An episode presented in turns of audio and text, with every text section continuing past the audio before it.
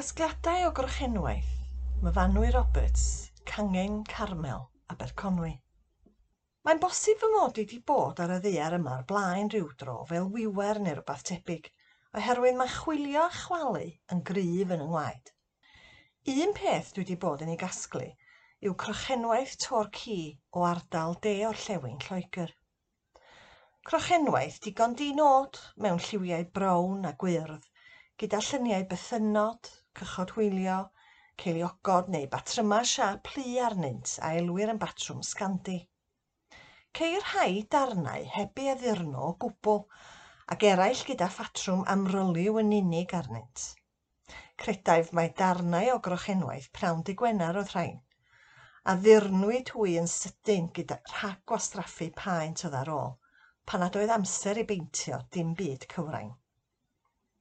Un peth sy'n gyffredin i'r darna yma i gyd yw bod dywediadau wedi peintio neu crafu arnynt. Af cyn bellad a deud na dwi'n o'r hoff orlliwiau na'r lluniau, ond pam eu casglu felly, meddach chi?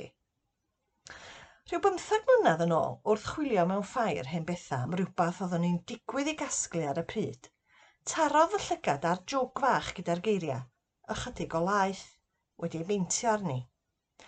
Dyna i chi ddechrau ar benod newydd o gasglu. Nid oherwydd y darn crochenwaith dwi'n ei gasglu, ond oherwydd y diarhebion a'r dywediadau Cymraeg sy wedi sgwennu arnynt. Mae'r math yma o lestri yn mynd yn ôl ddwy fil o flynyddoedd, ond llawer yn ddiweddarach y cychwynwyd rhoi dywediadau arnynt, a hynny yn y Saesneg. Nid dwi'n gwybod pa bryd cychwynwyd gwneud rhai yn y Gymraeg, ond roeddynt yn dal i'w gynhyrchu hyd at ganol y ganrif ddiwetha. Mae darnau gyda dywediadau Saesneg yn weddol gyffredin mewn ffeiriau hen bethau ac yn gymarol rhad i'w prynu.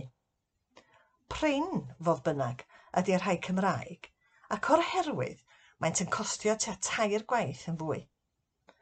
Dwi wedi llwyddo i gasglu dros gant a hanner ebyn hyn Pob un gyda dihareb neu dywediad byr bachog yn y Gymraeg yn ysgrifenedig arnynt.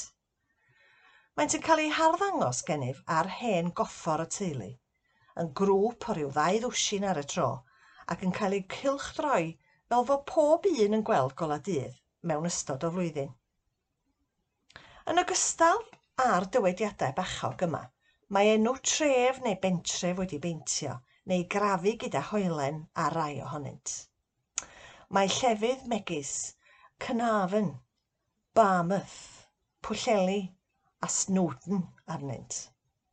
Sylwer mai ardaloedd gwyliad i'r rhain gan mai cofroddion oeddynt a brynwyd gan bobl ar eu gwyliau. Mae'r dywediadau a'r diarhebion sydd arnynt yn amrywiol iawn, gyda'r rhai yn hollol syml fel cymerwch gwpanau o de a'r debot. Bore da ar gwpan a soser. Nos da ar ganhwylbren. Mae eraill gyda mwy o feddwl y tu ôl iddynt. Deuperth rhodd yw ewyllys, a ranno i liaws, rhaned yn hynaws. Cymru annwyl gwlad y delyn, hen wlad fy mam, gogoniant i Gymru. Mae ambell ywediad yn ddwys iawn, fel yr un sydd ar jôc sy gennyf gyda'r geiriau Y golled fwyaf yw colli bywyd. Ni allaf gredu mai cofrodd gwyliaf hon, ond yn hytrach jôc wedi gwneud yn arbennig i rywun oedd wedi colli un anwyl. Efallai bod ganddi rhyw gysylltiad gyda'r ail ryfel byd, oherwydd dyna'r adeg y cafodd ei chynhyrchu. Enw'r dref arni yw Llanelli Llanelli gydag y. Sylwer mae dywediadau a diarhebion gwreiddiol Cymraeg ydy'r rhan fwyaf ohonynt, nid rhai wedi cyfeithi o'r Saesneg. Mae amball un yn cynnwys gwall sillafu amlwg sy'n codi gwen yng ngwyneb bob tro dwi'n edrych arno. Mae'r gwalla'n ychwanegu at ei apel i mi. Heb ddiw, heb ddinau. Gwlad y menu boran da, nid dyddan gwrando caswyr. Dim melus fel siwgr. Mae'n bosib mae perchnogion siopau cofroddion o Gymru oedd yn sgwennu'r dywediadau yma ar bapur, a'r llaw sgrifen efallai ddim yn glir iawn, neu hwyrach ei bod yn trosglwyddo'r neges ar lafar i gynrychiolwr o'r crochendau a'r neges honno ddim yn cyrraedd yn gywir. Mae yna lawer mwy allan yna o hyd yn rhywle. a'r un yw'r wefr bob tro rwy'n dod o hyd i Lester gyda dywediad nad oes gennyf yn y casgliad. Felly, ymlaen ar chwota, yn y gobaith o ddod o hyd i berl arall. Be 'di'r dywediad?